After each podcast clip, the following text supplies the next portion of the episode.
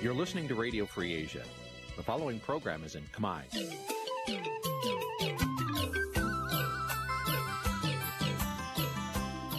នេះជាកម្មវិធីផ្សាយ Vuthu Azizi Serai នេះជាកម្មវិធីផ្សាយរបស់ Vuthu Azizi Serai ជាភាសាខ្មែរ Vuthu Azizi Serai សូមស្វាគមន៍លោកអ្នកនាងទាំងអស់ពីរដ្ឋធានី Washington នៃសហរដ្ឋអាមេរិក។ ចាប់ផ្សាយផ្ទាល់ពីរដ្ឋធានី Washington នាងខ្ញុំខែសុណងសូមជម្រាបសួរលោកនាងកញ្ញាប្រិយមិត្តអ្នកស្ដាប់និងអ្នកទស្សនាការផ្សាយរបស់វិទ្យុអេស៊ីស្រីទាំងអស់ជាទីមេត្រីចា៎នាងខ្ញុំសូមជូនកម្មវិធីផ្សាយសម្រាប់យប់ថ្ងៃសៅរ៍500ខែស្រាប់ឆ្នាំឆ្លូវត្រីស័កពុទ្ធសករាជ2565ដែលត្រូវនៅថ្ងៃទី28ខែសីហាគ្រិស្តសករាជ2021ចា៎ជាដំបូងនេះសូមអញ្ជើញលោកនាងស្ដាប់ព័ត៌មានប្រចាំថ្ងៃដែលមានមេតិការដូចតទៅ thank you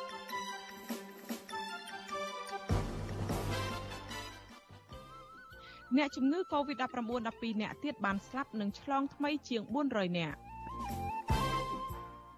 អញ្ញាធរចាប់ខ្លួនតំណាងសហគមន៍មានចំនួនដីធ្លី2នាក់ដាក់ពន្ធនាគារខេត្តស្វាយរៀង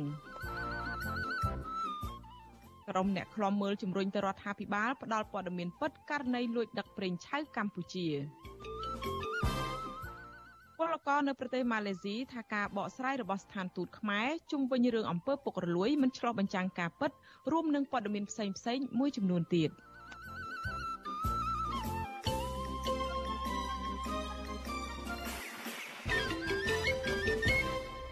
តែជាបន្តទៅនេះនាងខ្ញុំខែសុណងសូមជូនព័ត៌មានទាំងនេះពឹស្ដា ចាលោកនាងជាទីមេត្រីអ្នកជំងឺ Covid-19 ចំនួន12អ្នកទៀតបានស្លាប់ដែលធ្វើឲ្យករណីស្លាប់ដោយសារជំងឺនេះបានកើនឡើងដល់ជិត1900អ្នកហើយចំពោះករណីឆ្លងថ្មីវិញមានជាង400អ្នកនៅក្នុងថ្ងៃដដែលនេះក្នុងនោះជាង100អ្នកជាករណីនាំចូលពីក្រៅប្រទេសគិតត្រឹមព្រឹកថ្ងៃទី28ខែសីហាកម្ពុជាមានអ្នកកើតជំងឺ Covid-19 ជាង90000នាក់ក្នុងនោះមានអ្នកជាសះស្បើយជាង87000នាក់ ក្រសួងសុខាភិបាលប្រកាសថាគិតត្រឹមព្រឹកថ្ងៃទី27ខែសីហារដ្ឋាភិបាលចាក់វ៉ាក់សាំងជូនពលរដ្ឋបានជិត9លាននាក់ហើយក្នុងចំណោមអ្នកដែលត្រូវចាក់សរុបចំនួន10លាននាក់ចំណែកកុមារនិងយុវជនដែលមានអាយុចន្លោះពី12ឆ្នាំទៅដល់17ឆ្នាំក្រសួងប្រកាសថាចាក់វ៉ាក់សាំងបានជាង1លាន3សែននាក់ក្នុងចំណោមអ្នកដែលត្រូវចាក់សរុបជិត2លាននាក់ ចាលោកនាងកញ្ញាប្រិមនស្ដាប់ជាទីមេត្រីងាកមកបញ្ហាពលករនៅឯប្រទេសម៉ាឡេស៊ីឯនោះវិញពលករខ្មែរធ្វើការនៅប្រទេសម៉ាឡេស៊ីប្រតិកម្មទៅនឹងការបកស្រាយរបស់មន្ត្រីស្ថានទូតខ្មែរប្រចាំប្រទេសនេះថាมันឆ្លោះបញ្ចាំងទៅនឹងការពិតព្រោះពួកគាត់ត្រូវចំណាយថ្លៃធ្វើដំណើរទៅស្រុកខ្មែរក្នុងតម្លៃខ្ពស់ខណៈស្ថានទូតមិនទាន់រកដំណោះស្រាយនៅឡើយនោះ ចាំមន្ត្រីសង្គមស៊ីវិលស្នើសុំឲ្យរដ្ឋាភិបាលនិងស្ថានទូតដោះស្រាយបញ្ហានេះដើម្បីឆ្លើយតបទៅនឹងទុកកង្វល់របស់ក្រមពលករចាលោកនាងនឹងបានស្ដាប់សេចក្តីរាយការណ៍នេះពឹស្ដានៅពេលបន្តិចទៀតនេះចាលោកនាងកញ្ញាប្រិមមអ្នកស្ដាប់ជាទីមេត្រីងាកមកបញ្ហាចំនួនដីធ្លីនេះវិញ អញ្ញាធរចាប់ខ្លួនតំណាងសហគមន៍ដែលមានចំនួនដីធ្លីចំនួន2នាក់នៅខេត្តស្វាយរៀងដាក់ពន្ធនាគារក្រោយពួកគាត់ចេញតវ៉ាដោយលើកបដារូបថតបង្ហោះលើបណ្ដាញសង្គមដើម្បីស្វែងរកដំណោះស្រាយពីស្ថាប័នពាក់ព័ន្ធចាអាញាធរចោតប្រកាន់ពួកគាត់ថាបានល្មើសបំរាមសាលាខេត្តដែលហាមមិនឲ្យប្រជាពលរដ្ឋជួបប្រជុំគ្នាច្រើនក្នុងអំឡុងពេលនៃការរីករាលដាលជំងឺ Covid-19 មន្ត្រីសង្គមស៊ីវិលយល់ថាការចាប់និងឃុំខ្លួននេះជាចេតនាគំរាមកំហែងនិងបំបាក់ស្មារតីដល់ប្រជាពលរដ្ឋដែលចេញតវ៉ារកដំណោះស្រាយដោយសន្តិវិធីចាប់ពីរដ្ឋធានី Washington លោកសេកបណ្ឌិតរាយការណ៍ព័ត៌មាននេះសាលាដំបងខេត្តស្វាយរៀងបានសម្រេចឃុំខ្លួនតំណាងសហគមន៍ជែកមាស2នាក់ដាក់ពន្ធនាគារក្នុងនោះរួមមានលោកស្រីអិនសោតនិងលោកស្រីយូសុភ័ណ្ឌក្រោមបទចោទមិនគោរពវិធានការដែលរដ្ឋបាលខេត្តដាក់ចេញនៅច្បាប់ស្តីពីវិធានការទប់ស្កាត់ការឆ្លងរីករាលដាលនៃជំងឺ Covid-19 មាត្រា10និងមាត្រា11 ប្តីរបស់លោកស្រីអិនសោតគឺលោកមុំកសលរៀបរាប់ប្រាប់អាស៊ីសេរីនៅថ្ងៃទី28សីហាថាប៉ូលីសបានកោះហៅប្រពន្ធរបស់លោកនិងតំណាងសហគមន៍ម្នាក់ទៀតទៅឆ្លើយបំភ្លឺរឿងផ្ទាល់ខ្លួន នៅស្នងការដ្ឋាននគរបាលខេត្តស្វាយរៀងកាលពីថ្ងៃទី27សីហាលោកថានៅពេលទៅដល់សមាជិកបានឃុំខ្លួនពួកគាត់មួយយប់ហើយស្រាប់តែព្រឹកឡើងសមាជិកបញ្ជូនពួកគាត់ទៅតុលាការបន្ទាប់មក ក៏បញ្ជូនទៅដាក់នៅក្នុងពន្ធនាគារខេត្តតែម្ដងលោកមុំកសលចាត់ទុកការចោទប្រកាន់របស់តុលាការនេះថាជារឿងអយុត្តិធម៌សម្រាប់ប្រពន្ធរបស់លោក និងពលរដ្ឋសហគមន៍ផ្សេងទៀតដោយគ្រាន់តែប្រើប្រាស់សិទ្ធិដើម្បីស្វែងរកដំណោះស្រាយដីធ្លីពីអាជ្ញាធរដោយសន្តិវិធី លោកយល់ថាការឃុំខ្លួននេះជាការគំរាមកំហែងប្រជាពលរដ្ឋដើម្បីបង្ខំឲ្យពួកគាត់ទទួលយកសំណងបន្តិចបន្តួចពីអាជ្ញាធរ រឿងនឹងវាអយុធធម៌ហោះហួរអីមនុស្សវាអត់មានខុសអីផងវាវាហួហេតុវាសម័យឥឡូវវាមិនដឹងមិនអ្នកត្រូវទៅជាខុសអ្នកខុសទៅជាត្រូវរឿងដីរបស់ឯងសោះគេចាប់យើងថាយើងខុសទៀតខ្ញុំចង់ឲ្យអាជ្ញាធរដោះលែងវិញប៉ុន្តែមិនដឹងធ្វើរបៀបណានេះកាលពីដើមខែសីហាពលរដ្ឋមួយក្រុមមានគ្នាប្រមាណ30នាក់នៅក្នុងភូមិជែកមាសឃុំឈើទាលនិងមួយក្រុមទៀតមានគ្នា40នាក់នៅភូមិធ្នងឃុំស្វាយធំ បានប្រមូលផ្ដុំគ្នា លើកបដានៅលើដីស្រែពួកគាត់ ដើម្បីទាមទារឲ្យអាជ្ញាធរផ្ដល់សំណងសមរម្យក្នុងចំនួនដីធ្លីពួកគាត់ក្រោយពីដឹងថាអាជ្ញាធរមូលដ្ឋានផ្ដល់សំណងត្រឹមតែ900រៀលក្នុង1ម៉ែត្រការ៉េទោះយ៉ាងណាអាជ្ញាធរបានចាត់វិធានការលើពលរដ្ឋដោយបង្គាប់ឲ្យតំណាងសហគមន៍ជែកមាសលោកស្រីអិនសោតនិងលោកស្រីយុសភ័ណ្ឌឲ្យបង់ប្រាក់ម្នាក់2លានរៀលទៅសាលាខេត្តស្វាយរៀងអាជ្ញាធរចោទពួកគាត់ថាល្មើសបំរាមសាលាខេត្ត ដែលហាមមិនឲ្យពលរដ្ឋជួបជុំគ្នាច្រើន ក្នុងអំឡុងពេលមានការរីករាលដាលជំងឺ Covid-19 អាជ្ញាធរប្រមានថាប្រសិនបើអ្នកទាំងពីរមិនបានបង់ប្រាក់ត្រឹមដំណាច់ខែសីហានេះទេនោះអាជ្ញាធរនឹងបញ្ជូនសំណុំរឿងទៅតុលាការទោះយ៉ាងណាពលរដ្ឋអះអាងថាការជួបជុំគ្នាលើកបដានៅវាលស្រែនាពេលកន្លងទៅនោះគឺដើម្បីស្វែងរកដំណោះស្រាយបញ្ហាដីធ្លីដែលអាជ្ញាធរផ្ដល់សំណងមិនសមរម្យ ដល់ពលរដ្ឋរងគ្រោះតែប៉ុណ្ណោះពួកគាត់ស្នើសុំឲ្យអាជ្ញាធរទម្លាក់ចោលការផាកពិន័យនេះនិងដោះលែងតំណាងរបស់ពួកគាត់ទាំងពីរនាក់មកវិញជុំវិញរឿងនេះអភិបាលរងខេត្តស្វាយរៀងលោករស់ផារិតថ្លែងថា លោកមិនអាចបញ្ជាក់ករណីចាប់តំណាងសហគមន៍នេះបានទេ ក្រោមហេតុផលថាលោកមិនដឹងរឿងរ៉ាវនេះវិទ្យុអសីស្រីនៅពុំទាន់អាចតាក់ទងស្នងការដ្ឋាននគរបាលខេត្តស្វាយរៀងលោកកឹងខូន និងអ្នកនាំពាក្យតុលាការខេត្តស្វាយរៀងលោកផាន់រតនាដើម្បីសុំការបោះស្រាយជុំវិញរឿងនេះបានទេនៅថ្ងៃទី28សីហាទោះយ៉ាងណាពលរដ្ឋរងគ្រោះសុំមិនបញ្ចេញឈ្មោះប្រាប់ថាពលរដ្ឋប្រមាណ40នាក់បានតវ៉ានៅខាងមុខស្នងការដ្ឋាននគរបាលខេត្តនិងនៅតុលាការនៅថ្ងៃទី27និងទី28សីហាដោយសារសុំឲ្យដោះលែងតំណាងពួកគាត់ឲ្យមានសេរីភាពមកវិញព្រោះលោកស្រីអិនសោតនិងលោកស្រីយូសាភ័ណ្ឌ មិនមានកំហុសដោយការចោទប្រកាន់របស់តុលាការនោះទេប៉ុន្តែអាជ្ញាធរបែរជាប្រើអំពើហិង្សាបំបែកការប្រមូលផ្ដុំគ្នារបស់ប្រជាពលរដ្ឋទៅវិញ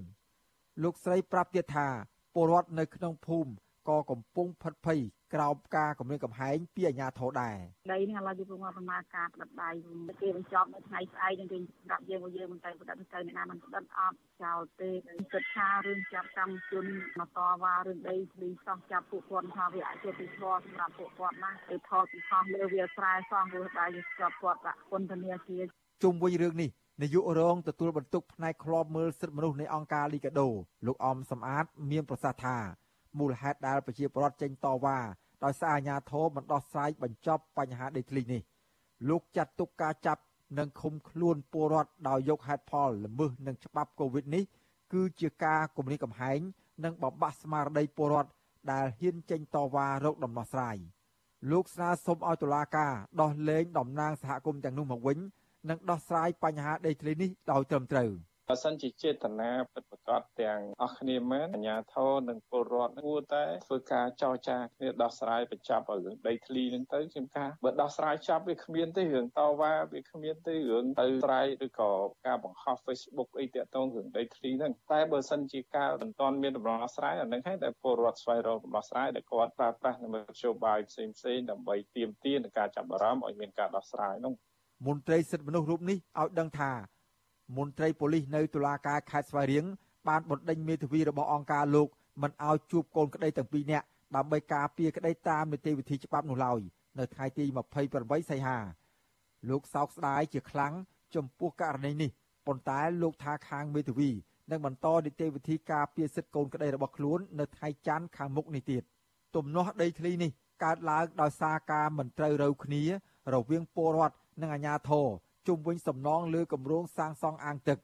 ពលរដ្ឋជាង100គ្រួសារដែលរស់នៅអាស្រ័យផលលើដីស្រែទំហំប្រមាណ100ហិកតា តាំងពីឆ្នាំ1979មកនោះបានសារសុំអាជ្ញាធរខេត្តស្វាយរៀងនិងក្រសួងធនធានទឹកបដូរគោលនយោបាយផ្ដល់សំណងឲ្យពលរដ្ឋពី900រៀលក្នុង1ម៉ែត្រការ៉េទៅ12000រៀលឬ3ដុល្លារក្នុង1ម៉ែត្រការ៉េវិញប៉ុន្តែអាជ្ញាធរមិនយល់សប្តាមសំណើរបស់ពលរដ្ឋនោះឡើយ ក្រមប្រជាពលរដ្ឋមានចំនួនដីធ្លីសារសុំអាជ្ញាធរនិងតុលាការដោះលែងតំណាងពួកគាត់ឲ្យត្រឡប់មកផ្ទះវិញនិងទទូចឲ្យអាជ្ញាធរខេត្តនេះជួយរកដំណោះស្រាយលើទំនាស់ដីធ្លីនេះតាមច្បាប់និងដោយសន្តិវិធីខ្ញុំបាទសេកបណ្ឌិតវិទ្យុអាស៊ីសេរីពីរដ្ឋធានីវ៉ាស៊ីនតោន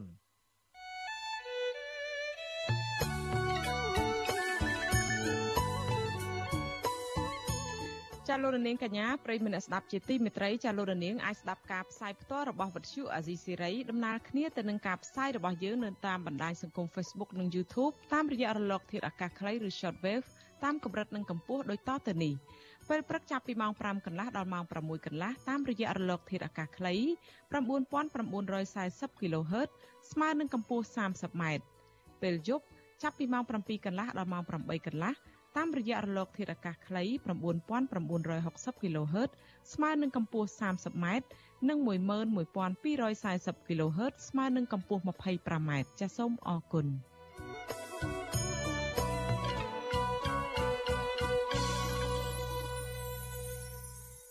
ចាលោករនាងកញ្ញាប្រិមនៈស្ដាប់ជាទីមេត្រីចាលោករនាងកំពុងស្ដាប់នឹងទស្សនាការផ្សាយរបស់វិទ្យុអាស៊ីសេរីផ្សាយចេញពីរដ្ឋធានី Washington នៃសហរដ្ឋអាមេរិក ចាងាកមកសេចក្តីរាយការណ៍អំពីភាពចម្រូងចម្រាសនៅក្នុងវិស័យប្រេងនៅកម្ពុជានេះវិញក្រុមអ្នកខ្លំមើលសង្គមបន្តជំរុញទៅរដ្ឋាភិបាលផ្ដល់ព័ត៌មានបន្ថែមទៀតករណីកប៉ាល់លួចដឹកប្រេងឆៅរបស់កម្ពុជា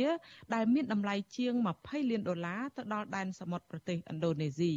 ការលើកឡើងនេះក្រោយពេលដែលមន្ត្រីកម្ពុជាផ្ដល់ព័ត៌មានតាក់ទងទៅនឹងរឿងកប៉ាល់លួចដឹកប្រេងផ្ទុយនឹងការលើកឡើងរបស់មន្ត្រីយោធាឥណ្ឌូនេស៊ីចាលោកយុនសាមៀនរាយការណ៍ព័ត៌មាននេះ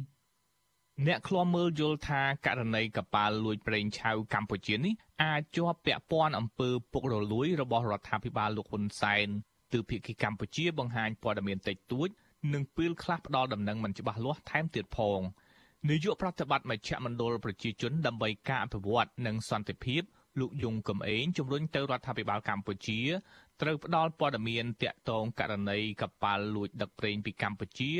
ឲ្យសាធារណជនបានដឹងច្បាស់លាស់លោកបន្តថាការផ្ដល់ព័ត៌មានពិតតាក់ទងរឿងនេះគឺមានសារៈសំខាន់ដែលជាការផ្ដល់ទំនុកចិត្តដល់ពលរដ្ឋខ្មែរម្ចាស់ស្រុកនិងជាពិសេសគឺធ្វើឲ្យក្រុមហ៊ុនអន្តរជាតិជឿទុកចិត្តនិងហ៊ានមកវិនិយោគនៅកម្ពុជា ព្រោះបញ្ហានេះខ្ញុំថាមន្ត្រីខាងកម្ពុជាយើងគួរតែបង្ហាញនៅចំណាត់ការជាក់លាក់និងផុសតាងជាក់លាក់អំពីចំណាត់ការរបស់ខ្លួនណាបើកាលណាយើងបង្ហាញមិនច្បាស់លាស់ទេគឺអាចនឹងធ្វើឲ្យមានការរិះគន់ថ្ងៃក្រោយបាទ មន្ត្រីសង្គមស៊ីវិលលើកឡើងដូចនេះដោយសារតែកាលពីថ្ងៃទី27សីហាមន្ត្រីនាំពាក្យយោធាជើងទឹកឥណ្ឌូនេស៊ីលោក Julius Wijojono បានប្រាប់សារព័ត៌មានតាមអ៊ីនធឺណិត Berna News ថាការខាត់កប៉ាល់ប្រេងឆៅពីកម្ពុជានេះមិនមែនតាមសំណើរបស់កម្ពុជានោះទេប៉ុន្តែមូលហេតុនៃការខាត់កប៉ាល់ដោយសារតែកប៉ាល់នោះបានរំលោភដែនសមុទ្រឥណ្ឌូនេស៊ី មន្ត្រីដដាលបានបញ្ជាក់ថាការសងភ័ស្តុតាងទៅឲ្យកម្ពុជានឹងត្រូវសម្រេចដោយក្រមចៅក្រមឥណ្ឌូនេស៊ីមន្ត្រីឥណ្ឌូនេស៊ីដដាលថាក្នុងលិខិតរបស់រដ្ឋាភិបាលកម្ពុជាទៅក្រសួងការបរទេសឥណ្ឌូនេស៊ីមិនបានស្នើឲ្យឥណ្ឌូនេស៊ីសងប្រេងឆៅវិញនោះទេការលើកឡើងរបស់ឥណ្ឌូនេស៊ីពេលនេះហាក់ផ្ទុយទៅនឹងការអះអាងរបស់ភាគីកម្ពុជា ដែលតែងតែនិយាយថាភាគីកម្ពុជា បានស្នើទៅប៉ូលីសអ៊ីនតឺប៉ូលឲ្យចាប់កប៉ាល់ដឹកប្រេងនោះភាគីកម្ពុជាក៏តែងតែអះអាងទៀតថារដ្ឋាភិបាលលោកហ៊ុនសែនបានស្នើទៅរដ្ឋាភិបាលឥណ្ឌូនេស៊ីឲ្យសងប្រេងនោះមកកម្ពុជាវិញអ្នកនាំពាក្យរដ្ឋាភិបាលលោកផៃស៊ីផានប្រាប់អាស៊ីសេរីថ្ងៃទី28សីហាថាលោកមិនទាន់មានព័ត៌មានជាក់លាក់ណាមួយពីក្រសួងមានសមត្ថកិច្ចពាក់ព័ន្ធរបស់កម្ពុជាដូចជាក្រសួងសេដ្ឋកិច្ចពាណិជ្ជកម្មឬក្រសួងរាយនឹងធម្មពលនៅឡើយ។ លោកត្អូញត្អែថាលោកបានសុំព័ត៌មានពីក្រសួងទាំងនោះប៉ុន្តែពួកគេមិនទាន់អាចផ្ដល់ព័ត៌មានឲ្យទេលោកថាពេលនេះលោកបានដឹងរឿងព្រេងនេះពីអ្នកសារព័ត៌មានទៅវិញទេតែឥឡូវនេះខ្ញុំសួរទៅគេគេគិតថាអត់ដឹងដែរព្រោះឯងអ្នកនៅកណ្ដាលម្នាក់ត្រូវទទួលឯប៉ុណ្ណឹងគ្រប់ជ្រុងទាំងអស់មិនមែនតែអាស៊ីសេរីគ្រប់ជ្រុងទាំងអស់តាំងពីទូអន្តរជាតិតែខលមកខ្លួនព្រោះគេចោទទីគេថាចឹងគេថាអ្នកនាំពាក្យរាជរដ្ឋាភិបាលនេះគេថាអត់ដឹងអញ្ចឹង ទោះបីបែបនេះក្តីលោកផៃស៊ីផានធ្លាប់ប្រាប់វិទ្យុអាស៊ីសេរីកាលពីពេលថ្មីថ្មីនេះថារដ្ឋាភិបាលកម្ពុជា បានប្តឹងទៅសមត្ថកិច្ចឥណ្ឌូនេស៊ីសូមកិច្ចសហការទាមទាររឹបអូសនាវាដែលបានលួចដឹកប្រេងឆៅពីកម្ពុជានោះមកវិញចំណែកមន្ត្រីនាំពាក្យគណៈបកកណ្ដាលអំណាចលោកសុកអេសានធ្លាប់ប្រាប់អាស៊ីសេរីថាករណីកប៉ាល់អាចលួចដឹកប្រេងឆៅកម្ពុជាទៅឥណ្ឌូនេស៊ីបាន ដោយសារតែភាពចន្លោះប្រហោងរបស់មន្ត្រីកម្ពុជា លោកសុកអេសានថាលោកមិនទាន់ដឹងថាតើរដ្ឋាភិបាលនឹងមានវិធានការអ្វីខ្លះប្រឆាំងនឹងមន្ត្រីទាំងនោះនៅឡើយទេជុំវិញរឿងនេះមន្ត្រីអង្គការសង្គមស៊ីវិលស្នើឲ្យរដ្ឋាភិបាលស៊ើបអង្កេតមន្ត្រីពាក់ព័ន្ធព្រោះការបាត់ប្រេងកម្ពុជា អាចពាក់ព័ន្ធនឹងអំពើពុករលួយ ស្ថាបនិកចលនាមេដាធម្មជាតិលោក Alexandro Gonzalez Davidson សង្ស័យថាករណីនេះអាចជាប់ពាក់ព័ន្ធករណីអំពើពុករលួយ រវាងរដ្ឋាភិបាលកម្ពុជា និងក្រុមហ៊ុន Chris Energy លោកបន្តថារដ្ឋាភិបាលលោកហ៊ុនសែនបានព្យាយាមបង្វែរសាច់រឿងដោយតាមរករឿងប្តឹងត្រឹមក្រុមហ៊ុនកប៉ាល់លួចដឹកប្រេងប៉ុន្តែមិនបានប្តឹងក្រុមហ៊ុន Chris Energy ដែលជាដើមចមនៃបញ្ហានេះ។ ពិបាកដឹងព្រោះគេលាក់ព័ត៌មានពីយើងទាំងអស់ក៏ប៉ុន្តែយើងដឹងថាប្រទេសកម្ពុជាជាប្រទេសមួយដែលរដ្ឋាភិបាលរដ្ឋាភិបាលរបស់លោកហ៊ុនសែនហ្នឹងគឺពោពេញដោយអំពើពុករលួយហើយអត់មានតម្លាភាពអញ្ចឹងប្រហែលជាមានរឿងអកំបាំងទាក់ទងជាមួយនឹងអំពើពុករលួយបើទៅពីព្រោះយើងឃើញថាកប៉ាល់មួយដែលមានរហូតដល់180ម៉ែត្រកប៉ាល់បណ្ណានៃចេញពីប្រទេសកម្ពុជាដោយអាជ្ញាធរមិនដឹងខ្លួន ក្រុមហ៊ុន Chris Energy ដែលមានមូលដ្ឋាននៅប្រទេសសង្ហបុរី បានប្រកាសការខ្សែធនរបស់ខ្លួនកាលពីខែមិថុនាឆ្នាំ2021ដោយសារតែកម្ពុជាគ្មានប្រេងច្រើន បណ្ដាលឲ្យក្រុមហ៊ុនគ្មានលុយសងបំណុលលោកអាលិចបារម្ភថាកម្ពុជាអាចសល់ត្រឹមប្រេងមួយដំណក់គត់ដែលបានតម្កល់នៅវិមានឈ្នះឈ្នះរបស់លោកនាយករដ្ឋមន្ត្រីហ៊ុនសែនព្រោះលោកមិនសង្ឃឹមថាឥណ្ឌូនេស៊ីនឹងសងប្រេងឆៅខ្មែរវិញក្នុងពេលឆាប់ៗនេះទេ ខ្ញុំយុនសាមៀនវិទ្យុអាស៊ីសេរីប្រធានាធិបតី Washington ចាលោករនាងកញ្ញាប្រិមនៈស្ដាប់ជាទីមេត្រីចាលោករនាងកំពុងស្ដាប់ការផ្សាយវិទ្យុអាស៊ីសេរីផ្សាយចេញពីរដ្ឋធានី Washington នៃសហរដ្ឋអាមេរិកចាតកតងទៅនឹងរឿងដាច់ដោយឡែកមួយទៀតប្រជាពលរដ្ឋមួយចំនួននិងអ្នកខ្លាំមើលសង្គមរិះគន់ថាការបង្ហោះចម្រៀងនៅលើបណ្ដាញសង្គម Facebook ផ្លូវការរបស់លោកនាយករដ្ឋមន្ត្រីហ៊ុនសែនជារៀងរាល់ថ្ងៃនេះគឺជាការធ្វើនយោបាយប្រជាភិថុតដែលទំនងជាមិនអាចតេទៀងការគ្រប់គ្រងពីប្រជាពលរដ្ឋបានទេ មន្ត្រីនាំពាក្យរដ្ឋាភិបាលឆ្លើយតបថាការបង្ហោះបទចម្រៀងទាំងនេះគឺជាសិទ្ធិរបស់លោកនាយករដ្ឋមន្ត្រីហើយប្រសិនបើប្រជាពលរដ្ឋណាមិនពេញចិត្តកុំចូលស្ដាប់ប្រជាពលរដ្ឋនិងអ្នកខ្លាំមើលសង្គមលើកឡើងថាប្រជាពលរដ្ឋភ័យច្រើនសុទ្ធតែដឹងថាចម្រៀងដែលបង្ហោះនៅលើបណ្ដាញសង្គម Facebook របស់លោកនាយករដ្ឋមន្ត្រីហ៊ុនសែនរាល់ថ្ងៃនេះគ្រាន់តែជាការបញ្ចើចបញ្ចើលើកជើងលោកនិងគ្រួសាររបស់លោកដោយមិនឆ្លោះបញ្ចាំងពីការពិតឡើយ ពលករខ្មែរមួយរូបដែលកំពុងធ្វើការនៅប្រទេសថៃលោកស្រីលីថ្លែងថាបទចម្រៀងបង្ហោះនៅលើទំព័រ Facebook របស់លោកហ៊ុនសែនសុទ្ធតែពីរោះនិងមានអត្ថន័យល្អប៉ុន្តែលោកហ៊ុនសែនមិនបានអនុវត្តតាមខ្លឹមសារនៃបទចម្រៀងទាំងនោះនោះទេ លោកស្រីបន្តថាទោះបីជាលោកហ៊ុនសែនខំចំណាយធនធានជួលក្រុមសិល្បករទាំងសម័យនិងបុរាណដើម្បីតាក់តែងបទចម្រៀងសរសើរលើកជើងលោកយ៉ាងណាក្តីក៏មិនអាចតាក់ទាញការគ្រប់គ្រងរបស់ប្រជាពលរដ្ឋបានដែរ។ ហើយបទចម្រៀងគាត់ចេញមកដូចជាការសម្ដែងដូចជាអគុណសន្តិភាពឥឡូវតែងបទចម្រៀងថ្មីថ្មីអានឹងការសម្ដែងបើគាត់ជានាយករដ្ឋមន្ត្រីដឹកនាំត្រឹមត្រូវក៏មកប្រជាពលរដ្ឋលំបាកវេទនាដូចជារងៃយើងឃើញហ្មងដូចផ្លែឈើឃើញគ្រាន់តែគ្នាមកសម្ដែងថាផ្លែឈើលក់អត់ដាច់ក៏ចាប់គ្នាដាក់កោកក៏ចាប់គ្នាយកទៅគម្រាមអញ្ចឹងគាត់មិនបាច់មកសម្ដែងបទចម្រៀងឬមួយកាយវិការកັບកិរិយាធ្វើអញ្ចឹងឲ្យប្រជាពលរដ្ឋស្ដាប់ព្រោះឲ្យប្រជាពលរដ្ឋឥឡូវគាត់លែងល្ងងហើយគាត់យល់ច្បាស់ថាអ្វីគឺអ្វីអញ្ចឹងប្រជាពលរដ្ឋគាត់លំបាកយ៉ាងម៉េចយ៉ាងម៉េចគាត់មើលឃើញតាមបណ្ដាញសង្គម Facebook ហើយស្ដាប់ទៅលោកហ៊ុនសែនគាត់ធប់សម្ដែងចិត្តទៅរឿងអស់ហ្នឹងគ្មានអ្នកណាគេជឿគ្មានអ្នកណាគេនេះទេជាមួយគ្នានេះសកម្មជនគណៈបកសង្គ្រោះជាតិលោកករណាពៅថ្លែងថាលោកហួសចិត្តដែលលោកហ៊ុនសែនខ្វះការទទួលខុសត្រូវចំពោះការដឹកនាំប្រទេសជាតិបែរជាចំណាយពេលវេលាបង្ហោះរូបភាពក្រុមគ្រួសារនិងបទចម្រៀងដែលលើកសរសើរខ្លួនឯងខុសពីការពិតតាមបណ្ដាញសង្គម Facebook ទៅវិញលោកយល់ថាលោកហ៊ុនសែនគួរតែមានសេចក្តីក្លាហាន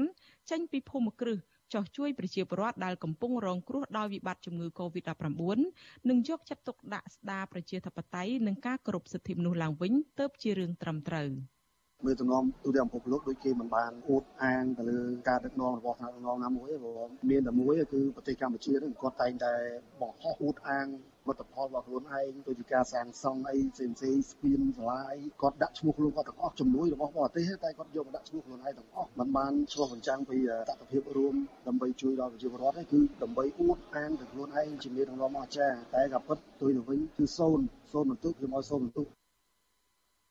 ប្រតិកម្មរបស់ប្រជាពលរដ្ឋបែបនេះគឺបន្ទាប់ពីលោកកត់សម្គាល់ឃើញថាលោកនាយករដ្ឋមន្ត្រីហ៊ុនសែនតែងតែបង្ហោះបទចម្រៀង3ទៅ4បទនៅលើបណ្ដាញសង្គម Facebook របស់លោកជារៀងរាល់ថ្ងៃដែលពួកគាត់យល់ថាខ្លាំងជាងផលិតកម្មចម្រៀងធំធំនៅក្នុងស្រុកខ្មែរទៅទៀត បទចម្រៀងទាំងនោះសុទ្ធតែនិពន្ធនិងច្រៀងដើម្បីលើកសរសើរលោកហ៊ុនសែននិងគ្រួសាររបស់លោកក្នុងបំណងតាក់ទាញអារម្មណ៍របស់ប្រជាពលរដ្ឋឲ្យគាំទ្រនិងដឹងគុណលោកបទចម្រៀងដែលបង្ហោះមួយរយៈចុងក្រោយនេះគឺភាគច្រើនពាក់ព័ន្ធទៅនឹងការអគុណសន្តិភាព ការទិញវ៉ាក់សាំងបង្ការជំងឺ Covid-19 និងរឿងលោកហ៊ុនសែនបញ្ជាឲ្យក្រុមអង្គរៈរបស់លោកចុះទិញផ្លែមៀនពីកសិករនៅខេត្តបាត់ដំបង និងខេត្តបៃលិនជាដើម មកដល់បៃលិននឹងបាត់ដំបងធ្វើដំណើរ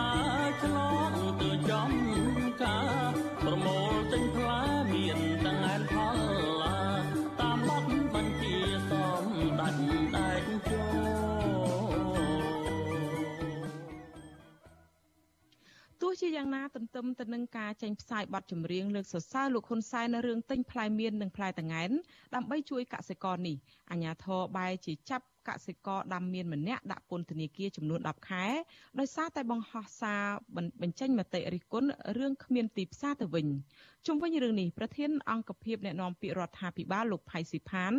ថ្លែងថាបទចម្រៀងទាំងនោះទំនងជាលោកនាយករដ្ឋមន្ត្រីហ៊ុនសែនបង្ហោះលើ Facebook ដោយខ្លួនឯងប៉ុន្តែលោកមិនដឹងថាលោកនាយករដ្ឋមន្ត្រីហ៊ុនសែនជួលក្រុមសិល្បករដើម្បីនិពន្ធនិងច្រៀងឲ្យលោកឬយ៉ាងណានោះទេ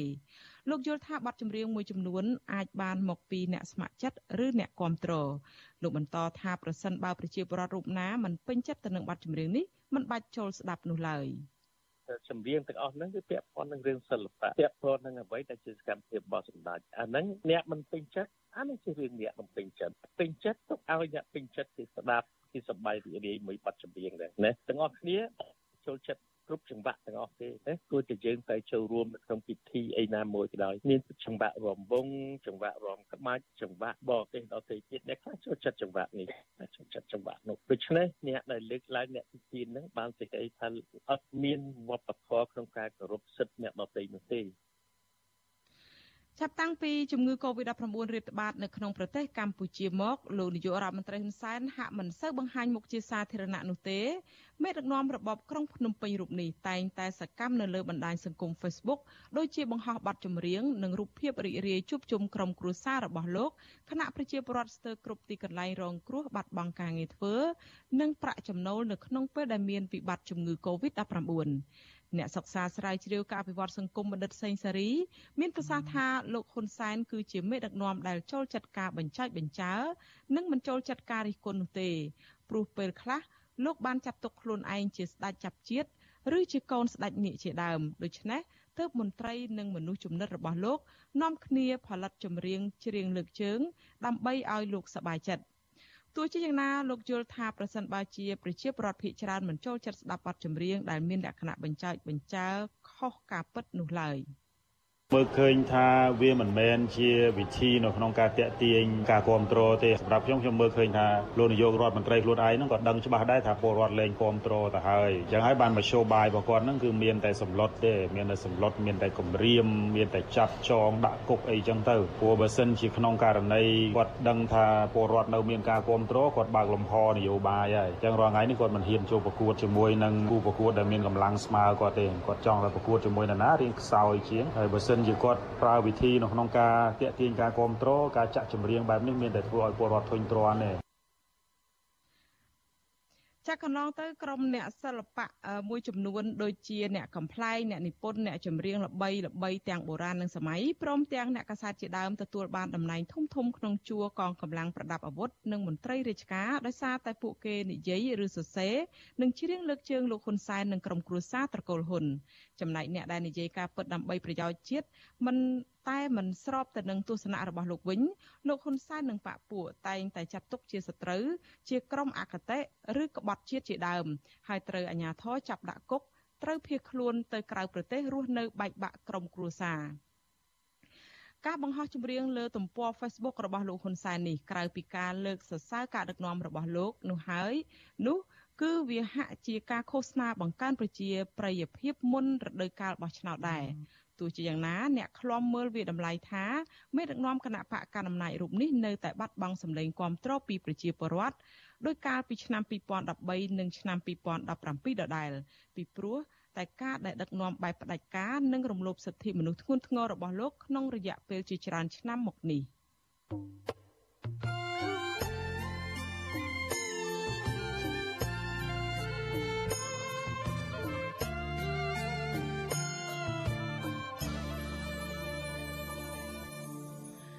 ចាលោកនាងកញ្ញាប្រិមត្តអ្នកទស្សនាការផ្សាយអាស៊ីសេរីទាំងអស់ជាទីមេត្រីចាងាកមករឿង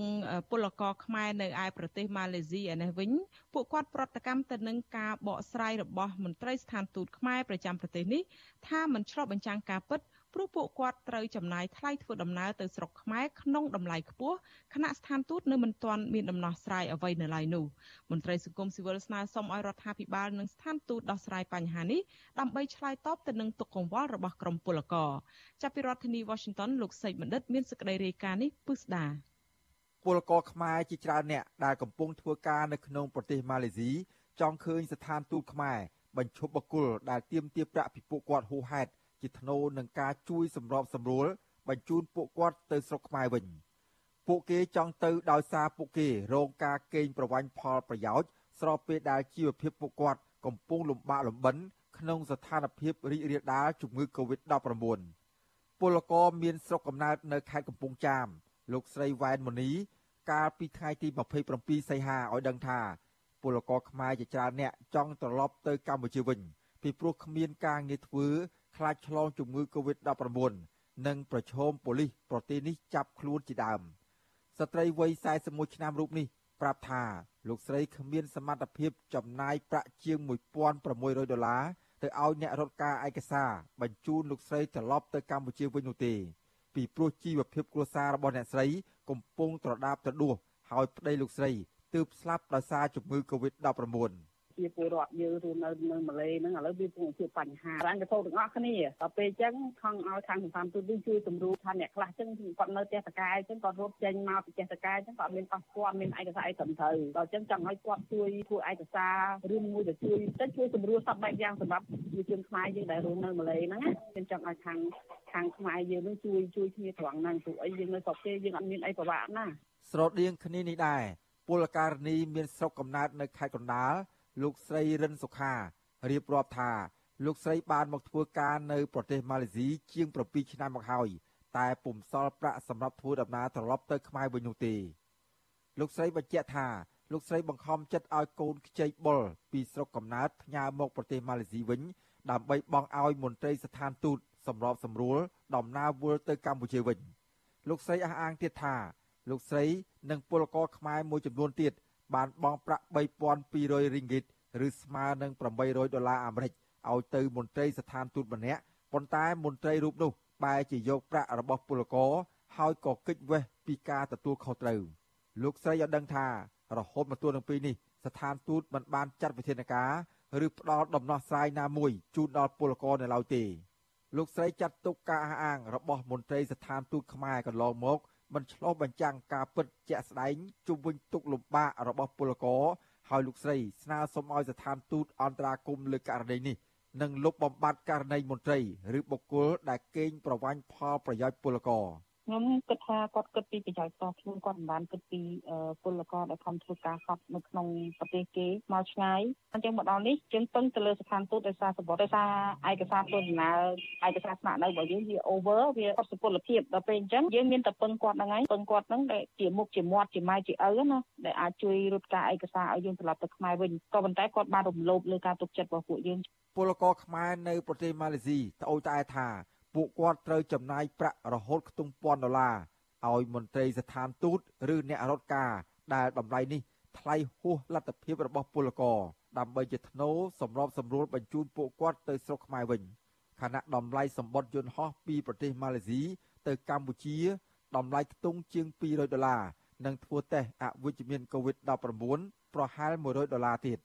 រីឯពលករខុសច្បាប់ ត្រូវបូកការបង់ថ្លៃផាកពិន័យប្រមាណជិត125ដុល្លារបន្ថែមទៀតក្រមពលករចង់ឲ្យស្ថានទូតដោះស្រាយចំពោះបុគ្គលឆ្លៀតឱកាសប្រព្រឹត្តអំពើពុករលួយ និងកេងចំណេញផលប្រយោជន៍ពីពលករដែលកំពុងលំបាកស្ថានអាយអគ្គរដ្ឋទូតប្រចាំប្រទេសម៉ាឡេស៊ីកាលពីថ្ងៃទី25សីហា បានច្រានចោលការលើកឡើងរបស់ពលករហើយបញ្ជាក់ថាមន្ត្រីស្ថានទូតមិនបានកេងចំណេញផលប្រយោជន៍នោះទេ ហើយចាត់ទុកករណីនេះថាជាការយល់ច្រឡំស្ថានទូតថាពលករពលករនី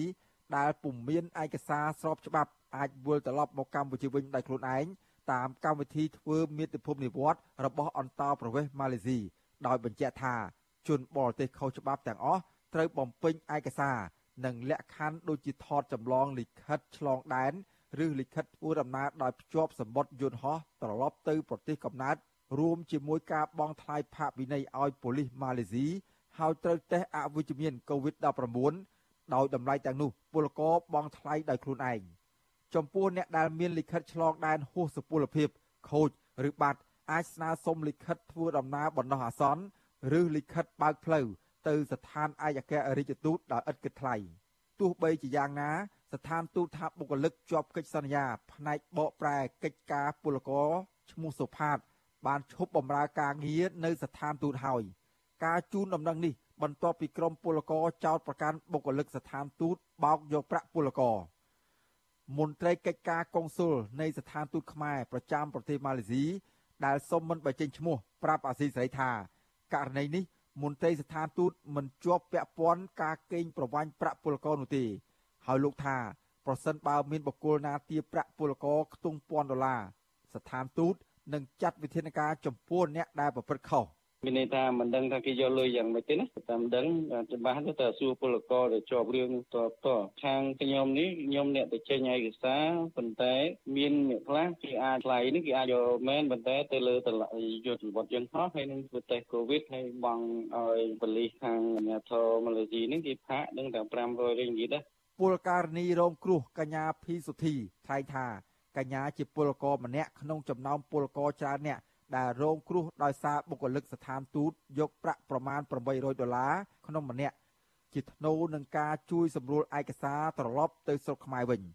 កញ្ញាចាត់ទុកការជូនដំណឹងរបស់ស្ថានទូតនេះថាមិនមែនជាដំណោះស្រាយជួយដល់ពលករនោះទេហើយស្នើសុំឲ្យស្ថានទូត ចាត់វិធានការដើម្បីបង្វិលប្រាក់ឲ្យពលករវិញដូចជាអត់មានដំណោះស្រាយណាមួយដែលកក់ក្ដៅពីខាងទូតផ្ដាល់មកខាងពលករសោះបើមិនជាទូតគ្រាន់តែបញ្ឈប់បុគ្គលិកអ្នកនោះហើយមិនមានចំណាត់ការអីផ្សេងផ្សេងបន្តទៀតទៅលើបុគ្គលនឹងឲ្យមានការទទួលខុសត្រូវទៅលើទង្វើរបស់បុគ្គលហ្នឹងគឺពួកខ្ញុំពិតជាសោកស្ដាយខ្លាំងមែនទែននិងពិតជាមិនមានការផ្ដល់យុត្តិធម៌ណាមួយមន្ត្រីអង្គការសង្ត្រាល់ទទួលបន្ទុកផ្នែកពលករលោកឌីថេហូយ៉ា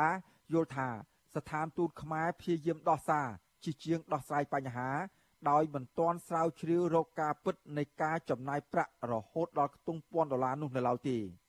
លោកថាការគម្រាមកំហែងពលករមិនអោយរាយការណ៍អំពីបញ្ហារបស់ខ្លួន គឺជាអំពើរំលោភសិទ្ធិពួកគាត់ធ្ងន់ធ្ងរព្រោះសង្គមប្រជាធិបតេយ្យពលករមានសិទ្ធិលើកឡើងពីតម្រូវការនិងទុកកង្វល់របស់ខ្លួន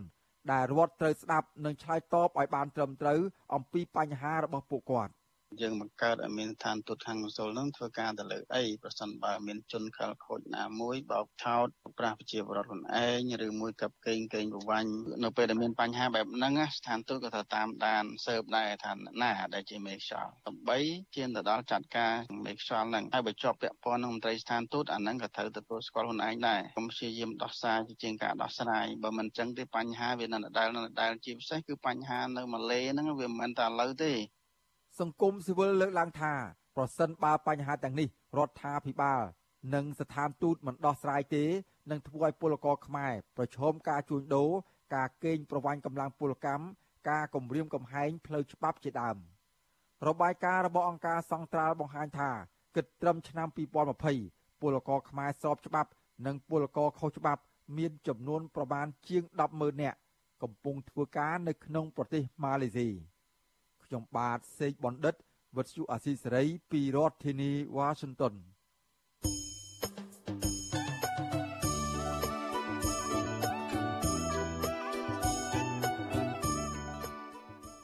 ចាលោកនាងកញ្ញា អ្នកស្ដាប់និងអ្នកទស្សនាការផ្សាយរបស់វិទ្យុអេស៊ីសេរីទាំងអស់ជាទីមេត្រីចាលោកនាងអាចស្ដាប់ការផ្សាយផ្ទាល់របស់វិទ្យុអេស៊ីសេរីដំណើរគ្នាទៅនឹងការផ្សាយរបស់យើងនៅលើបណ្ដាញសង្គម Facebook និង YouTube តាមរយៈរលកធារកាសខ្លីឬ Shortwave តាមកម្រិតនិងកម្ពស់ដូចតទៅនេះពេលព្រឹកចាប់ពីម៉ោង5កន្លះដល់ម៉ោង6កន្លះតាមរយៈរលកធារកាសខ្លី9940 kHz ស្មើនឹងកម្ពស់ 30m ពេលយប់ ចាប់ពីម៉ោង7កន្លះដល់ម៉ោង8កន្លះតាមរយៈរលកធាតុអាកាសខ្លី9960 kHz ស្មើនឹងកម្ពស់ 30m និង11240 kHz ស្មើនឹងកម្ពស់ 25m ចានៅក្នុងឱកាសនេះដែរនាងខ្ញុំសូមថ្លែងអំណរគុណដល់លោកនាងកញ្ញាទាំងអស់ដែលតែងតែមានភក្ដីភាពចំពោះការផ្សាយរបស់យើងហើយចាត់ទុកការស្ដាប់វិទ្យុអាស៊ីសេរីគឺជាផ្នែកមួយនៃសកម្មភាពប្រចាំថ្ងៃរបស់លោកអ្នកនាងចាការគ្រប់គ្រងរបស់លោកអ្នកនាងនេះហើយដែលធ្វើឲ្យយើងខ្ញុំមានទឹកចិត្តកាន់តែខ្លាំងថែមទៀតនៅក្នុងការស្វែងរកនិងផ្តល់ព័ត៌មានជូនលោកអ្នកនាងចាមានអ្នកស្ដាប់និងអ្នកទស្សនាកាន់តែច្រើនកាន់តែធ្វើឲ្យយើងខ្ញុំមានភាពស្វាហាប់និងមោះមុតជាបន្តទៀត យើងខ្ញុំសូមអរគុណទុកជាមុនហើយសូមអញ្ជើញលោកនាងកញ្ញាចូលរួមផ្ដល់ឲ្យសកម្មភាពផ្ដល់ព័ត៌មានរបស់យើងកាន់តែជោគជ័យបន្ថែមទៀតចាដោយលោកនាងអាចជួយយើងខ្ញុំបានដោយគ្រាន់តែចុចចែករំលែកឬក៏ share ការផ្សាយរបស់យើងនៅលើបណ្ដាញសង្គម Facebook និង YouTube ទៅកាន់មិត្តភ័ក្តិរបស់លោកនាងដើម្បីឲ្យការផ្សាយរបស់យើងបានទៅដល់មនុស្សកាន់តែច្រើនចាសសូមអរគុណ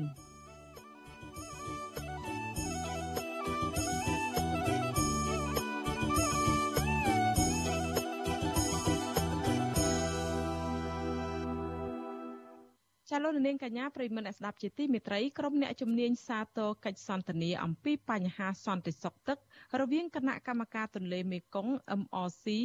និងសមាគមអាស៊ាន ដែលត្រូវបានធ្វើឡើងជាលើកដំបូងកាលពីពេលថ្មីៗនេះ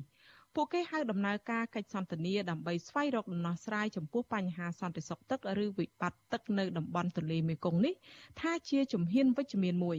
ក៏ប៉ុន្តែពួកគេប្រមានថានៅមានរឿងរ៉ាវដែលត្រូវធ្វើជាច្រើនទៀតដើម្បីបញ្ជិះនៅចំនួនដណ្ដើមទឹករវាងប្រទេសខ្សែទឹកខាងលើ និងប្រទេសខ្សែទឹកខាងក្រោមនាពេលអនាគតចាប់ពីរដ្ឋធានី Washington លោកមានរិទ្ធសូមជូនសេចក្តីរាយការណ៍នេះពិស្ដា នេះគឺជាលើកទី1ហើយដែលគណៈកម្មការទន្លេមេគង្គនិងតំបន់អាស៊ានទាំងមូលបង្កើតឲ្យមាននូវកិច្ចសន្ទនាអំពីបញ្ហាសន្តិសុខទឹកនេះឡើងនៅក្នុងគោលដៅដើម្បីស្វែងរកដំណោះស្រាយប្រកបដោយលក្ខណៈច្នៃប្រឌិតពាក់ព័ន្ធនឹងបញ្ហាវិបត្តិទឹកនៅតំបន់ទន្លេមេគង្គរវាងប្រទេសនៅតាមខ្សែទឹកខាងលើនិងប្រទេសនៅតាមខ្សែទឹកខាងក្រោមនាយកកម្មវិធីអាស៊ីអាគ្នេយ៍នៃមជ្ឈមណ្ឌលស្រាវជ្រាវគោលនយោបាយ Stimson Center លោក Brian Eiler ហៅកិច្ចសន្ទនាអំពីបញ្ហាសន្តិសុខទឹកនេះថាគឺជាជំហានដ៏ត្រឹមត្រូវមួយដើម្បីស្វែងរកនៅដំណោះស្រាយសម្រាប់តំបន់ទាំងមូល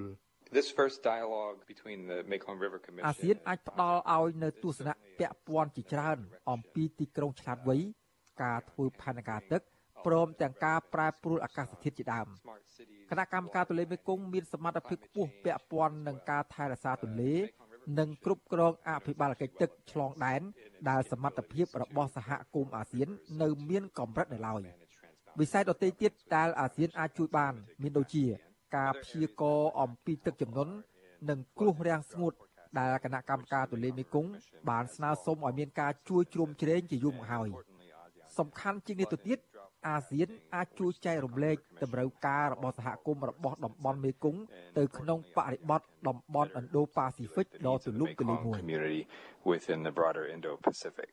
ស្រដៀងគ្នានេះដែរអ្នកជំនាញកិច្ចការអន្តរជាតិបណ្ឌិតឈៀងវណ្ណរិទ្ធ មានប្រសាសន៍ថាកិច្ចសន្ទនានេះគឺជាជំហានសំខាន់មួយដើម្បីជំរុញឲ្យមានដំណោះស្រាយរួមនៅក្នុងតំបន់ជាជាងការរិះគន់ភាគីណាមួយដែលលោកថានឹងធ្វើឲ្យពិបាកក្នុងការឈានទៅរកកិច្ចសហប្រតិបត្តិការនៅក្នុងការដោះស្រាយបញ្ហានេះបញ្ហាសន្តិសុខទឹកនៅក្នុងតំបន់មេគង្គយើងនេះក៏ជាបញ្ហាសន្តិសុខទឹកនៅក្នុងតំបន់អាស៊ីអាគ្នេយ៍ជារួមដែររបស់អាស៊ានជារួមដែរយើងឃើញថាកិច្ចពិភាក្សាហ្នឹងគឺសំដៅសំដៅខ្លាំងទៅលើដំណោះស្រាយអញ្ចឹងនេះគឺជាអ្វីមួយខ្ញុំគិតថាត្រឹមត្រូវពីព្រោះថាតម្រង់នៅកិច្ចពិភាក្សាទៅរកដំណោះស្រាយវាបានប្រយោជន៍ច្រើនជាងនៅធ្វើនយោបាយគឺពាណិជ្ជកម្មឬក៏ធ្វើការរិះគន់ភាគីនេះភាគីណាមួយហ្នឹងទៅអញ្ចឹងវាពិបាកនឹងឈានទៅរកកិច្ចសហប្រតិបត្តិការបណ្ឌិតឈៀងវណ្ណរិទ្ធ ពន្យល់ថាដំណោះស្រាយដែលកិច្ចសន្ទនានេះបានផ្ដោតជាសំខាន់នោះគឺការជំរុញឲ្យមានការផ្លាស់ប្តូរព័ត៌មាននិងការគ្រប់គ្រងធនធានទឹកប្រកបដោយតម្លាភាពការប្រើប្រាស់ប្រព័ន្ធបច្ចេកវិទ្យាបញ្ញាសិប្បនិម្មិតដើម្បីរកដំណោះស្រាយលើការប្រែប្រួលអាកាសធាតុសន្តិសុខទឹកសន្តិសុខស្បៀងនិងភាពជាដៃគូរវាងផ្នែករដ្ឋនិងឯកជនព្រមទាំងអង្គការសង្គមស៊ីវិលជាតិនិងអន្តរជាតិដើម្បីប្រមូលធនធានយកមកជួយអភិវឌ្ឍតំបន់និងការពារបរិស្ថាន លោកផ្ដល់អនុសាសន៍ថាដើម្បីឲ្យការដោះស្រាយបញ្ហាវិបត្តិទឹកនៅតំបន់ទន្លេមេគង្គនេះមានប្រសិទ្ធភាពទៅបានការនេះត្រូវទាមទារឲ្យគណៈកម្មការទន្លេមេគង្គមានអំណាចបន្ថែមទៀតនៅក្នុងការដាក់ចេញនូវផែនការអនុវត្តជាក់ស្ដែងគណៈសមាជិកទាំង4ប្រទេសរបស់គណៈកម្មការនេះរួមមានកម្ពុជា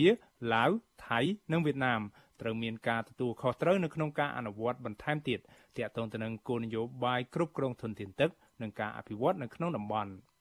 បន្ថែមពីលើការយល់ឃើញនេះអ្នកជំនាញអភិបាលកិច្ចទឹកលោកហែមឧត្តមមានប្រសាសន៍ថាកិច្ចសន្ទនានេះធ្វើឡើងគ្រាន់តែជាការស្ទាបស្ទង់នៅឡើយខណៈបញ្ហាចម្បងមួយនៃការសាងសង់ទំនប់វារីអគ្គិសនី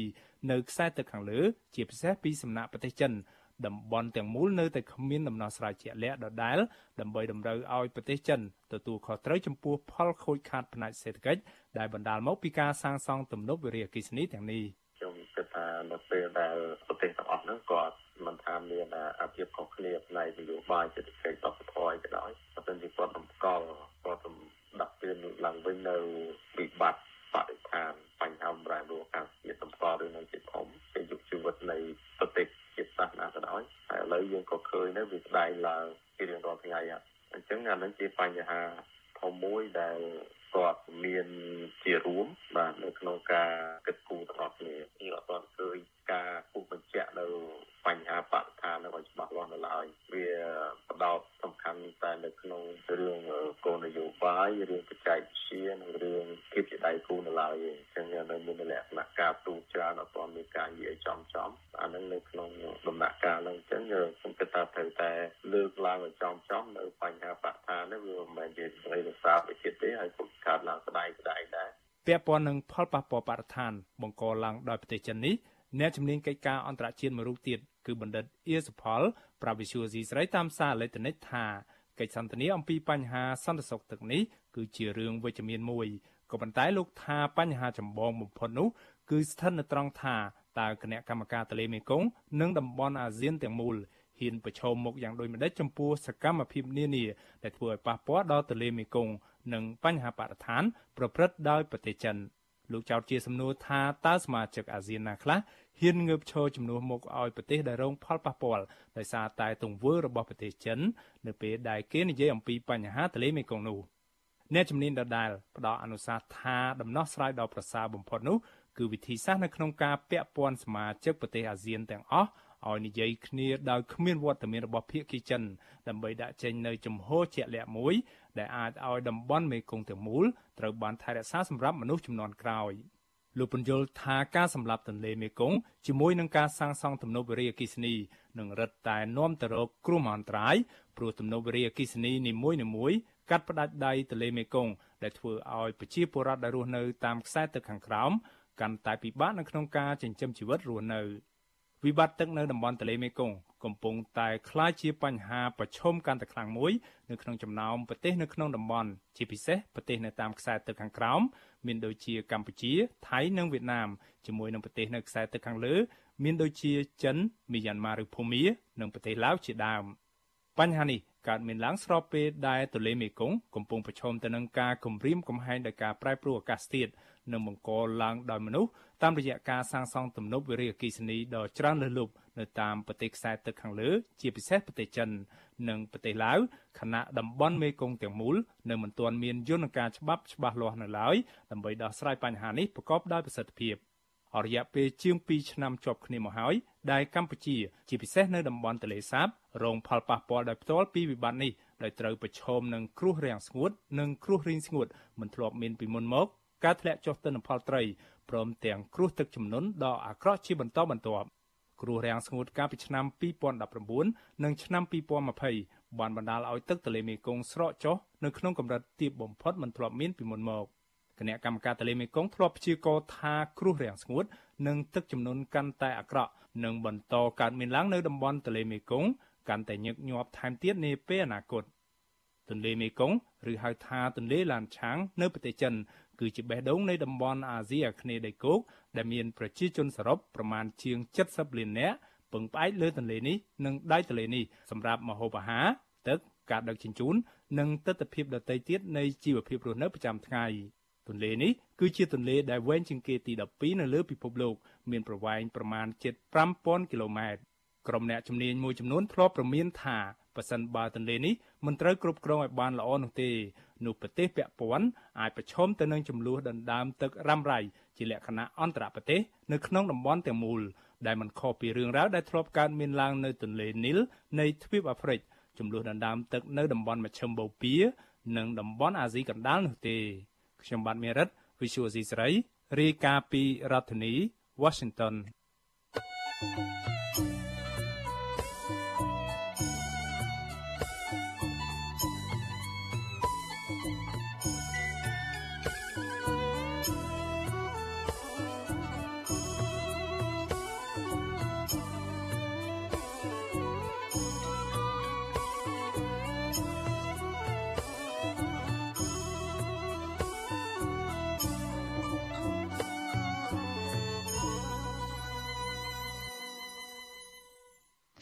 ចាលោកនាងជាទីមេត្រីពលរដ្ឋដែលមានចំនួនដីធ្លីនៅក្នុងតំបន់ដែលរដ្ឋាភិបាលកំពុងសាងសង់ប្រលានយន្តហោះថ្មី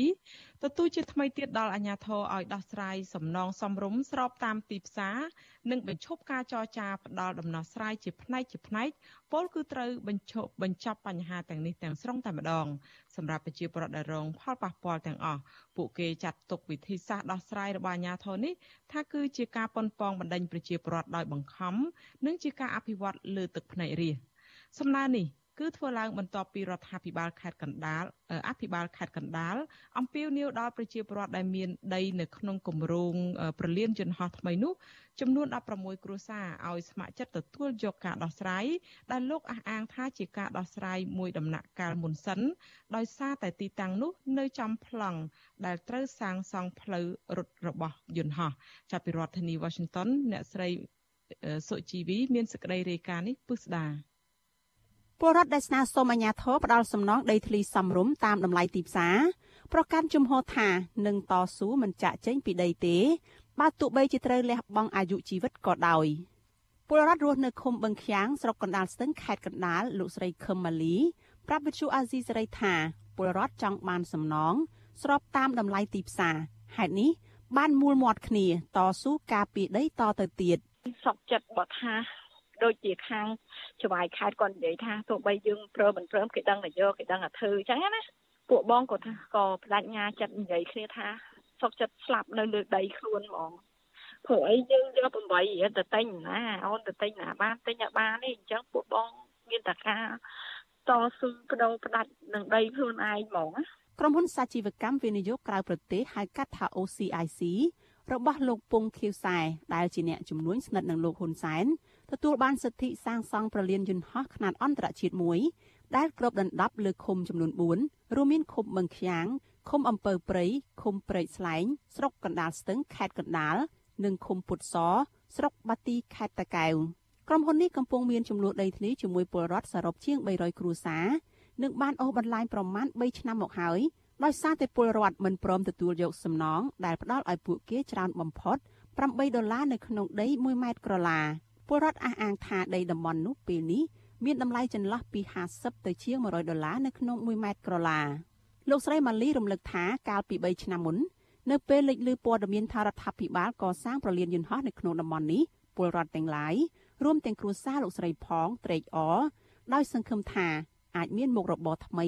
ឆ្លើយតបនឹងការអភិវឌ្ឍនោះឬអ្នកខ្លះអាចលក់ដីនៅក្នុងតម្លៃខ្ពស់ធ្វើឲ្យជីវភាពគ្រួសារផ្លាស់ប្ដូរប៉ុន្តែ ការពិតប្រែទៅជាទឹកភ្នែកព្រោះបញ្ហាដីធ្លីទៅវិញកំសត់ទៅនឿយហាលក្តៅហាលភ្លៀងអលឹមព្រោះថ្ងៃកំសត់ដោយសារអីវាថាទៅលួចឆក់ប្លន់គេអត់តូចចិត្តទេនេះដោយសារដីខ្លួនឯងសោះហ្នឹងមកដល់ពេលនេះពលរដ្ឋដែលមិនព្រមទទួលសំណងបានផ្លាស់វេនគ្នាដេកយាមដីស្រែទប់ស្កាត់មិនឲ្យក្រុមហ៊ុនដាក់គ្រឿងចាក់ឈូសឆាយរំលោភយកដីពួកគាត់ពួកគាត់ក៏បានចេញតវ៉ាជាញឹកញាប់នៅលើដីមានចំនួន ដែលធ្វើឲ្យពួកគាត់ស្ទើរតែគ្មានពេលវេលាដកឃ្លាទៅប្រកបរបរចិញ្ចឹមជីវិតបាន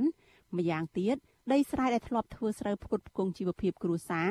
ក៏ត្រូវជាប់នៅក្នុងចំនួនមិនអាចបង្កបង្កើនផលបានអ្នកឃុំពុតសលោកស្រីមីស៊ីណែតរៀបរាប់ថាគ្រួសារលោកស្រីរស់នៅអាស្រ័យដីទំហំ30អាដែលបន្សល់ទុកពីជីដូនដែលអាចធ្វើស្រែបាន3ដងនៅក្នុងមួយឆ្នាំប៉ុន្តែ3ឆ្នាំមកនេះចំនួនរ៉ាំរ៉ៃនេះធ្វើឲ្យជីវភាពគ្រួសារលោកស្រី កាន់តែតោកយ៉ាកលោកស្រីនិយាយទាំងអួលដើមកថាពេលនេះគ្រួសារលោកស្រីជាគ្រួសារក្រីក្រកម្រិត2ហើយតទៅមុខទៀតលោកស្រីមិនដឹងថានឹងធ្លាក់ទៅក្រីក្រកម្រិតណាទៀតនោះទេស្រីណែតសំណុំពរឲ្យអាជ្ញាធរដោះស្រាយបញ្ចប់បញ្ហានេះដើម្បីឲ្យពលរដ្ឋបានរស់នៅក្នុងជីវភាពសមរម្យឡើងវិញលោកស្រីថាការដាក់គ្រឿងចាក់ឈូសឆាយការដាក់កងកម្លាំងប្រដាប់អាវុធការពារដីទុកឲ្យក្រុមហ៊ុន ការសម្លុតគម្រាមពលរដ្ឋ និងវិធីសាស្ត្រដោះស្រាយតាមដំណាក់កាលកំពុងធ្វើឲ្យពលរដ្ឋភ័យខ្លាចពីការបង្ខំយកដីពលរដ្ឋធ្វើឲ្យពលរដ្ឋទឹកភ្នែកព្រោះតែការអភិវឌ្ឍរបស់រដ្ឋាភិបាលតែមិនគួរណាដល់ថ្នាក់ដល់ថ្នាក់8រៀល3រៀលសម្រាប់ត្រីឆ្លូច1គីឡូ1គីឡូ10រៀលហ្នឹងបងត្រីឆ្លូច38000ខ្វះតែ2000អញ្ចឹងតែដីខ្ញុំក៏ថោកឲ្យថោកយ៉ាងនេះលឹកឃើញស្រក់ទឹកភ្នែកហ្មង ពាក់ព័ន្ធនឹងរឿងនេះអាជ្ញាធរអះអាងថាពេលនេះកំពុងដោះស្រាយសំណងដល់ពលរដ្ឋដែលស្ថិតនៅក្នុងតំបន់ដែលចំប្លង់សាងសង់ផ្លូវរត់របស់យន្តហោះអភិបាលខេត្តកណ្ដាលលោកគង់សុភ័ណ្ឌអំពាវនាវឲ្យពលរដ្ឋស្ម័គ្រចិត្តទទួលយកសំណងដែលអាជ្ញាធរផ្ដល់ឲ្យជាពិសេសពលរដ្ឋចំនួន16គ្រួសារដែលមានដី ស្ថិតនៅចំផ្លូវរត់របស់យន្តហោះប៉ុន្តែទោះជាយ៉ាងណាលោកអភិបាលខេត្តនៅតែអះអាងថាសំណងនៅតែមានតម្លៃ8ដុល្លារដដែលព្រោះនោះ គឺជាតម្លៃពិតប្រាកដនៅមុនពេលប្រកាសបើកគម្រោងនេះលោកថាពលរដ្ឋអាចមានជំរឿសមួយទៀតដែរគឺទទួលយកដីនៅតំបន់ផ្សេងដែលអាជ្ញាធរបានរៀបចំឲ្យតែលោកក៏មិនបានបញ្ជាក់ថានៅតំបន់ណាជាក់លាក់ឡើយអញ្ចឹងទៅបងប្អូនយើងមួយចំនួនគាត់ក៏ព្រមលក់តែបងប្អូនមួយចំនួនទៀតគាត់ថាគាត់មិនលក់ទេគាត់ទាតម្លៃខ្ពស់បាទកន្លែងនឹងហើយបានជាមានការជ្រើសរើសថាបងប្អូនណាព្រមក៏យក បងប្អូនណាមិនព្រមនៅក្នុងរង្វង់នៃការគ្រប់គ្រង2600ហិកតានឹងជាបន្តសិនបាទហើយខេត្តខត់ខំខំបើមិនព្រមគឺមានលក្ខណៈដូរដីដីអាចដូរបាន1ហិកតាបើសិនជាក្រុមហ៊ុនអស់លទ្ធភាពដីនៅចិត្តគឺដូរដីនៅទីឆ្ងាយបន្តិចក្នុងកំឡុងមហត្តា2ពលរដ្ឋដែលមានដីនៅចំប្លង់ផ្លូវរត់របស់យន្តហោះលោកស្រីខឹមម៉ាលីឆ្លើយតបថាលោកស្រីស្ទើរតែមិនជឿថាមកដល់សម័យនេះហើយអាញាធរ បែរជាជ្រើសរើសយកការអភិវឌ្ឍដែលមិនផ្ដល់សំណងសមរម្យដល់ពលរដ្ឋបែបនេះណាខាងជីវភាពក៏វាយ៉ាប់ណាបើយើងមិនទៅយាមក្រុមហ៊ុនចេះតែដាក់គ្រឿងចាក់មកឈូសឆាយលើដីពួកបងអញ្ចឹងណាចេះតែសុំឲ្យខាងអាជ្ញាធរនឹងជួយដោះស្រាយឲ្យគាត់អត់គាត់គាត់ទៅថាឲ្យបងយកតែ8ដុល្លារហើយនឹងដូរដីគ្រាន់តែប្រជាជនគាត់ចង់ថា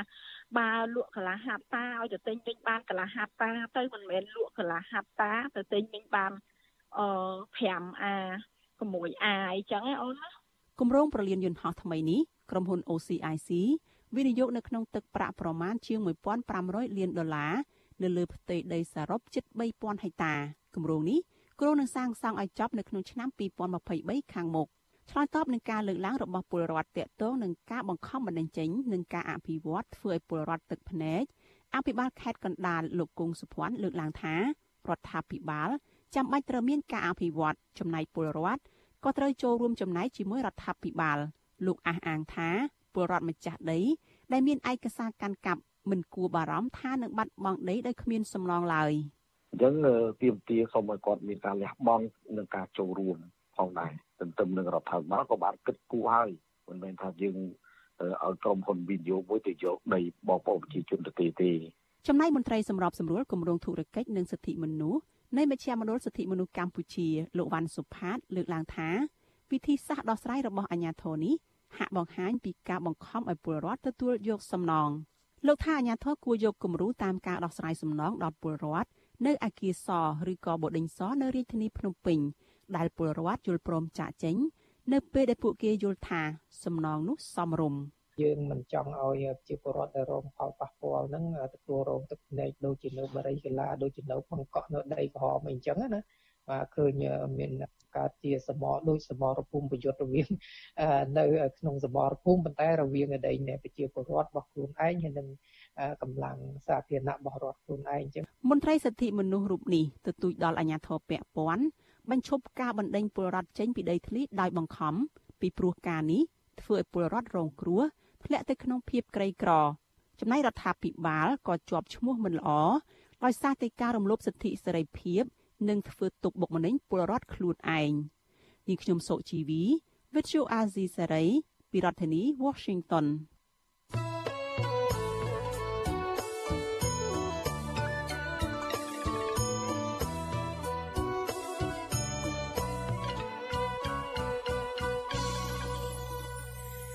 ចាលោកនាងកញ្ញាប្រិមនស្ដាប់ជាទីមេត្រីតកតងទៅនឹងរឿងការរីករាលដាលនៃជំងឺ Covid-19 នេះវិញ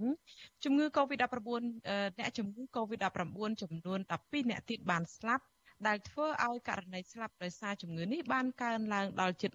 1900អ្នកហើយចំពោះករណីឆ្លងថ្មីវិញមានជាង400អ្នកនៅក្នុងថ្ងៃដដែលនេះក្នុងនោះជាង100អ្នកជាករណីនាំចូលពីក្រៅប្រទេស។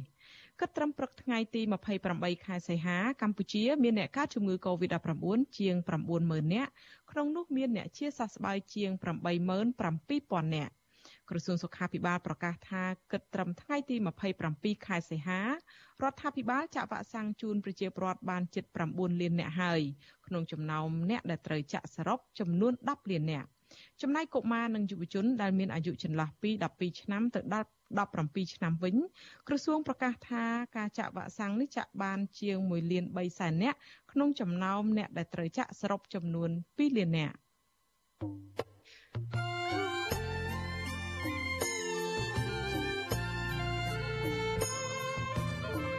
ចាលោកនាងកញ្ញាប្រិមត្ត សាយរបស់យើងនេះបានឈានមកដល់ទីបញ្ចប់ហើយចានាងខ្ញុំសូមជូនពរដល់លោកនាងកញ្ញាឲ្យជួបប្រកបតែនឹងសេចក្តីសុខចម្រើនរុងរឿងកំបីគ្លៀងគ្លាតឡើយចាសម្រាប់ពេលនេះនាងខ្ញុំខែសុណងព្រមទាំងក្រុមការងារទាំងអស់នៃវិទ្យុអាស៊ីសេរីសូមអរគុណនិងសូមជម្រាបលាចារីត្រីសុស្ដី